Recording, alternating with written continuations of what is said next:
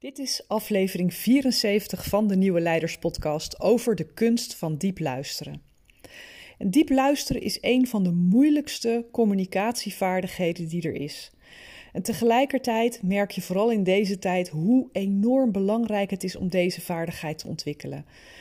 Een gebrek aan luisteren is de oorzaak van de meeste leiderschapsmislukkingen. Wat er dan gebeurt is dat je geen verbinding kan maken met wat er werkelijk aan de hand is op dit moment en dus niet de goede interventies doet. Je bent dan aan het symptoom bestrijden. In deze aflevering ontdek je wat het verschil is tussen gewoon goed luisteren, wat ook belangrijk is, en diep luisteren. En ik geef je concrete tips hoe je diep luisteren bij jezelf kunt ontwikkelen.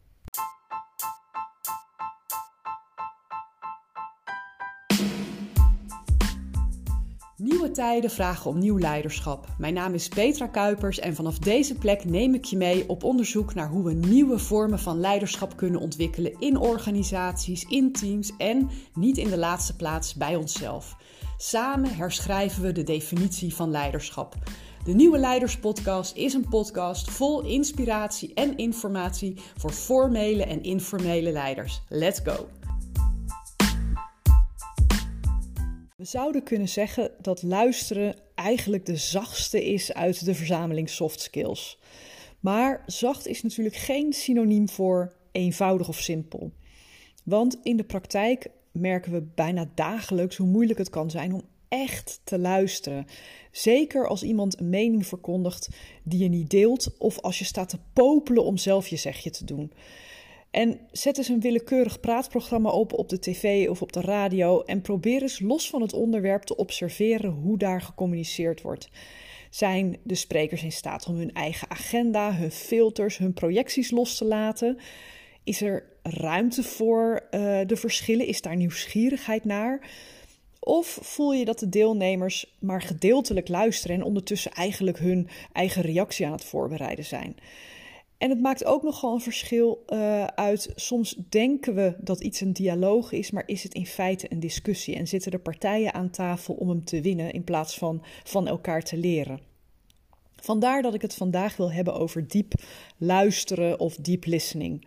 Dat is namelijk een van de moeilijkste communicatievaardigheden die er is. En tegelijkertijd is het juist in deze tijd zo enorm belangrijk dat we deze vaardigheid veel steviger gaan ontwikkelen. Juist als de verschillen zo groot zijn, wil je zorgen dat de meningen gehoord worden en dat we ook de wijsheid van de minderheid kunnen meenemen in wat de meerderheid besluit, in plaats van dat we daar nog meer uh, uh, verschillen en nog, nog een dieper gat tussen slaan. Luisteren voorbij wat er echt gezegd wordt. Aanwezig zijn voor wat er gezegd wordt. Je oordeel uh, opschorten. Uh, het standpunt dat uitgesproken wordt oprecht willen begrijpen. Diep luisteren houdt in dat je meer hoort dan de woorden die de spreker zegt.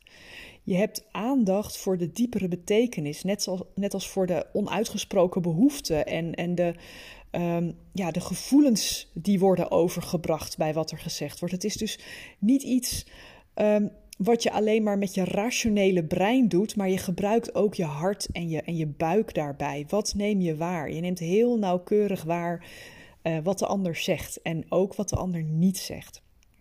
En het lijkt paradoxaal, maar de basis voor echt diep luisteren is zelfbewustzijn.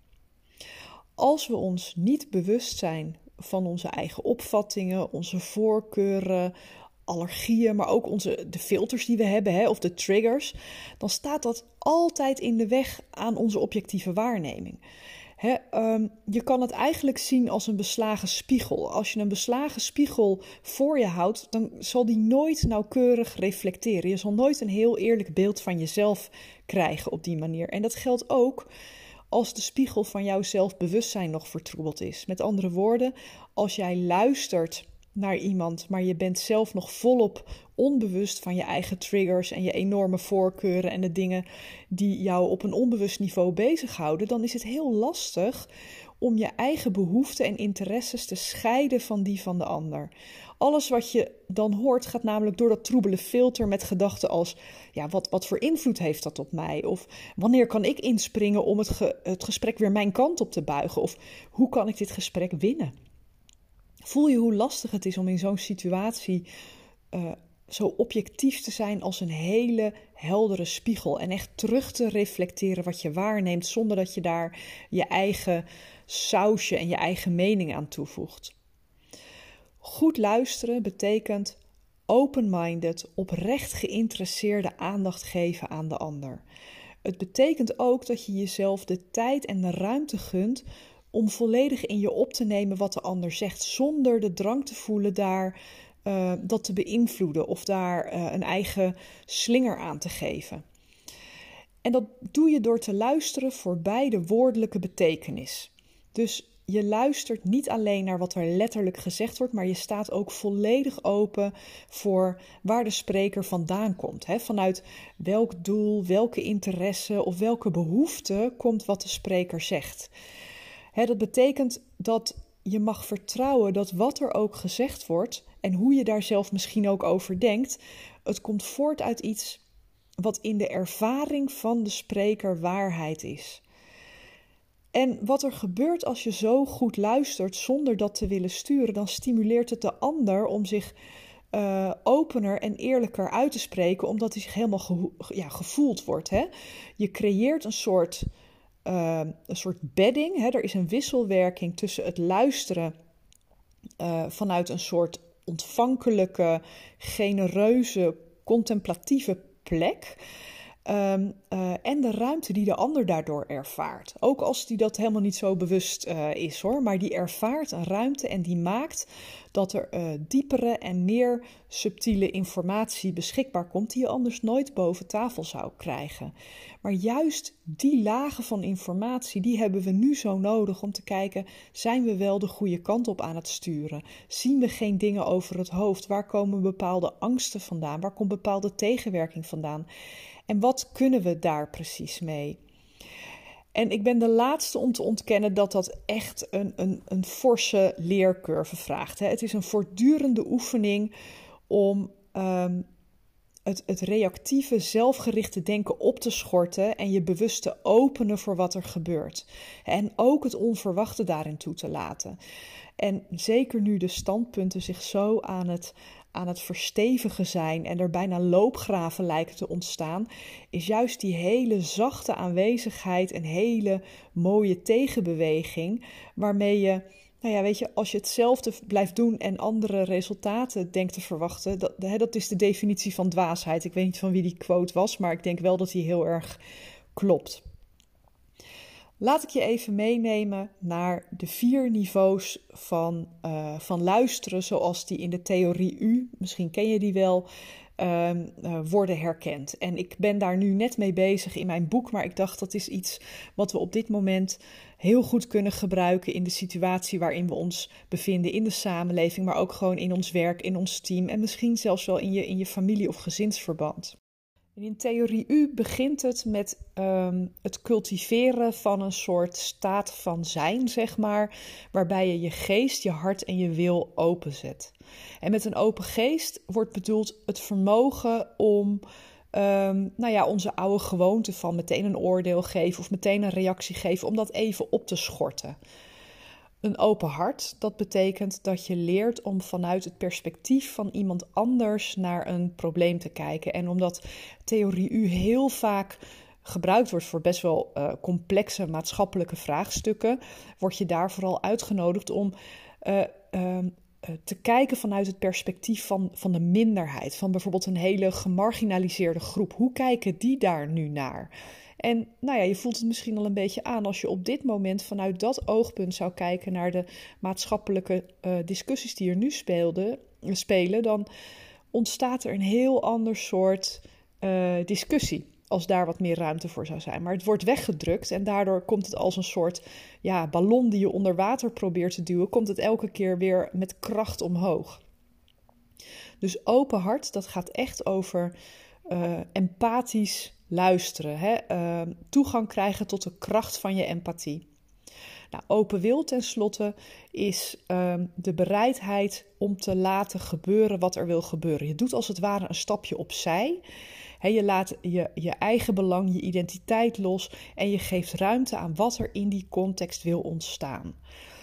En um, luisteren van alle leiderschapscapaciteiten is waarschijnlijk wat het meest wordt onderschat.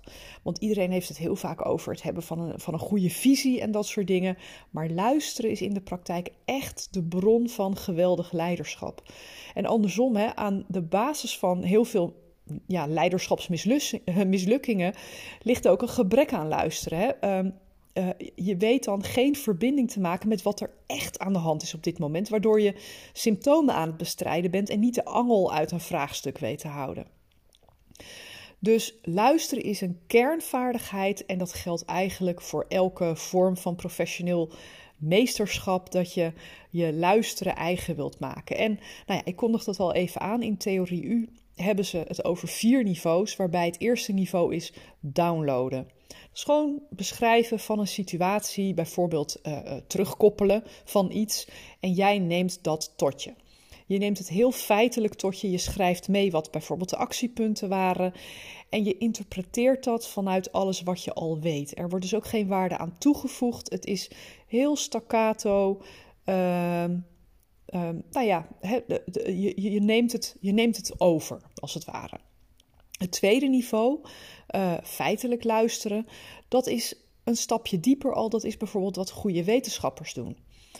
Uh, ze houden niet helemaal vast aan de bestaande interpretaties, dus wat ze al weten, maar laten de data als het ware met ze praten. Ze proberen naar de feiten te luisteren, ook als die hun eigen theorieën of ideeën helemaal onderuit schoffelen of tegenspreken.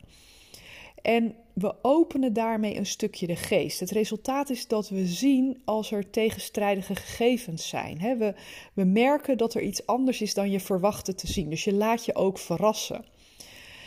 En het derde niveau, dan kom je bij empathisch luisteren. En dat is dat je je hart openzet als waarnemingsorgaan. Je ziet de situatie door de ogen van een ander. En dat geeft ook meer begrip voor de ogen van een ander, uh, voor, voor de opvatting van een ander, ook al is de ander heel anders dan jij. Um, je luistert uh, vanuit de plek uh, waar die andere persoon spreekt, als het ware. Je, uh, je, je, snapt dat je het niet met elkaar eens bent, maar je krijgt iets meer begrip voor het perspectief van de ander. Dus als je op die manier met elkaar naar elkaar weet te luisteren, dan erken en respecteer je elkaars perspectief. Dus het is echt heel simpel uitgedrukt het kijken vanuit het oogpunt van een andere stakeholder. Nou, het vierde niveau, dat is het diepste niveau van luisteren. En dat is wat ze in theorie U noemen generatief luisteren. En daarmee komt die open wil in beeld. Dus dat je zelf uit de weg stapt, als het ware. Um, wat er gebeurt in die situatie is dat je ruimte maakt voor wat er wil ontstaan. Uh, dus je geeft ruimte aan het proces. En ik snap dat dat wat abstract kan klinken, maar om je een voorbeeld te geven, dat is iets wat hele goede coaches heel goed kunnen. Hè? Ze luisteren op een manier naar jou die jou in staat stelt om al verbinding te maken met de toekomstige versie van jezelf. Met andere woorden, zij zien jou al in jouw allerbeste versie, nog voordat je dat zelf kan doen. Dus ze kijken niet naar jou in termen van je verleden, wat je tot nu toe gedaan hebt, waar je nu staat, maar ze kijken echt naar jouw hoogste toekomstige mogelijkheid en door hun manier van luisteren en vragen stellen, um, leiden ze jou ook in die beweging. Dus dat is een, een, een, hele belangrijke vaardigheid, willen we met elkaar verder zien te komen. En die is niet eenvoudig en het, het vraagt uh, veel van het nou ja, beperken van ons ego of even ons ego in de koelkast willen zetten. Ik ben niet tegen ego, maar het is wel goed om hem niet continu uh, uh, de vrije teugels te geven. Dus ik wil je tot slot wat tips geven waar je dit mee kunt gaan oefenen. En in eerste instantie begint het met de intentie dat je open staat voor wat er wil gebeuren en dat je dat niet wil beïnvloeden. Je wilt er alleen maar zijn. En dat is iets wat je niet eens per se hoeft uit te spreken. Het mag natuurlijk wel, maar je kan in een situatie stappen met de intentie: ik stel me nu open voor wat er wil gebeuren en ik ga het niet sturen. Ik ga alleen maar vanuit nieuwsgierigheid ga ik erbij blijven. Een tweede tip is om te oefenen ehm, in hele alledaagse situaties. Dus ga niet meteen op het scherpst van de snede met iemand ehm, nou, waar je heel erg mee op gespannen voet staat. Of waarvan je weet van die heeft een hele tegenstrijdige visie met, met wat ik, waar ik in geloof. Maar bijvoorbeeld tijdens het avondeten met je kinderen. Hè, of gooi eens een stelling op tafel en probeer ook eens ruimte te geven. Dat is sowieso heel erg leuk om te horen hoe je kinderen naar bepaalde thema's kijken. Het maakt eigenlijk niet zoveel uit hoe oud ze daarvoor zijn. Het is heel bijzonder om, uh, om te ervaren wat er gebeurt als je ze die ruimte geeft en niet probeert ze te sturen of op te voeden of iets te leren. Gewoon eens kijken wat daaruit wil komen. Een derde is dat het altijd goed is om na een gesprek te reflecteren van wat gebeurde er hier nu? Wat, wat ging er goed? Uh, wat gebeurde er bij mij? Wat voelde ik ook? Hè? Waar ging ik eventueel toch wat sturen? Wanneer schoot ik eruit? En als je hier een goede gewoonte van hebt gemaakt, kan je een stapje verder gaan. En dat noemen ze ook wel dual processing. Oftewel, je wilt open en uh, ja, ontvankelijk zijn om de ander echt te horen, maar tegelijkertijd kijk je naar je innerlijke reactie en merk je op wat je zelf voelt. En soms zal je merken dat je een, een onaangenaam gevoel in je lijf krijgt bij bepaalde opmerkingen. En dat betekent dat je ja, een soort trigger misschien te pakken hebt. Of dat het raakt aan iets waar jij heel erg voor staat. En als je sneller kunt gaan opmerken dat je dat voelt voordat je iets zegt, hè, of voordat je iets doet, dan ehm, is de kans veel kleiner dat je reageert op een manier waar je later spijt van krijgt. En is de kans kleiner dat de discussie de verkeerde kant op gaat. Je verhoogt dan echt je bewustzijn uh, van de subtiliteiten die jouw lichaam je continu teruggeeft. Is een soort feedback die je krijgt. dus je bent dan oprecht ontvankelijk en empathisch en je merkt alleen maar op wat er gebeurt om later in die reflectieronde die je nog even maakt met jezelf te kijken van hé, hey, wat gebeurde daar nou en wat, wat wil dat zeggen over mijn filters of over mijn triggers en dat soort dingen.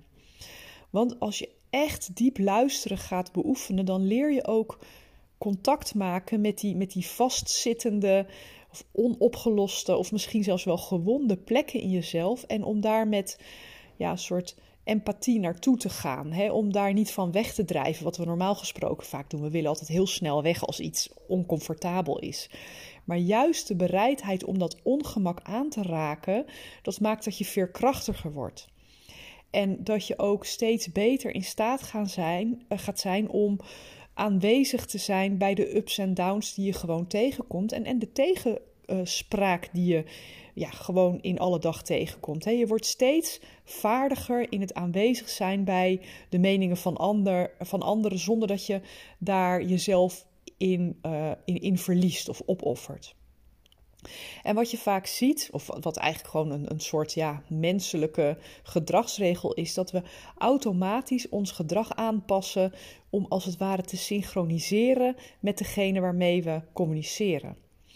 En als je dus de kwaliteit van je luisteren aanpast, zodat je meer aanwezig bent, um, dan ga je die andere daarmee ook synchroniseren. Die, die wordt meer op zijn gemak, die wordt authentieker, maar die gaat ook op een andere manier vibe dan die anders zou hebben gedaan. Dus je maakt daadwerkelijk verschil door jouw kwaliteit van aanwezigheid.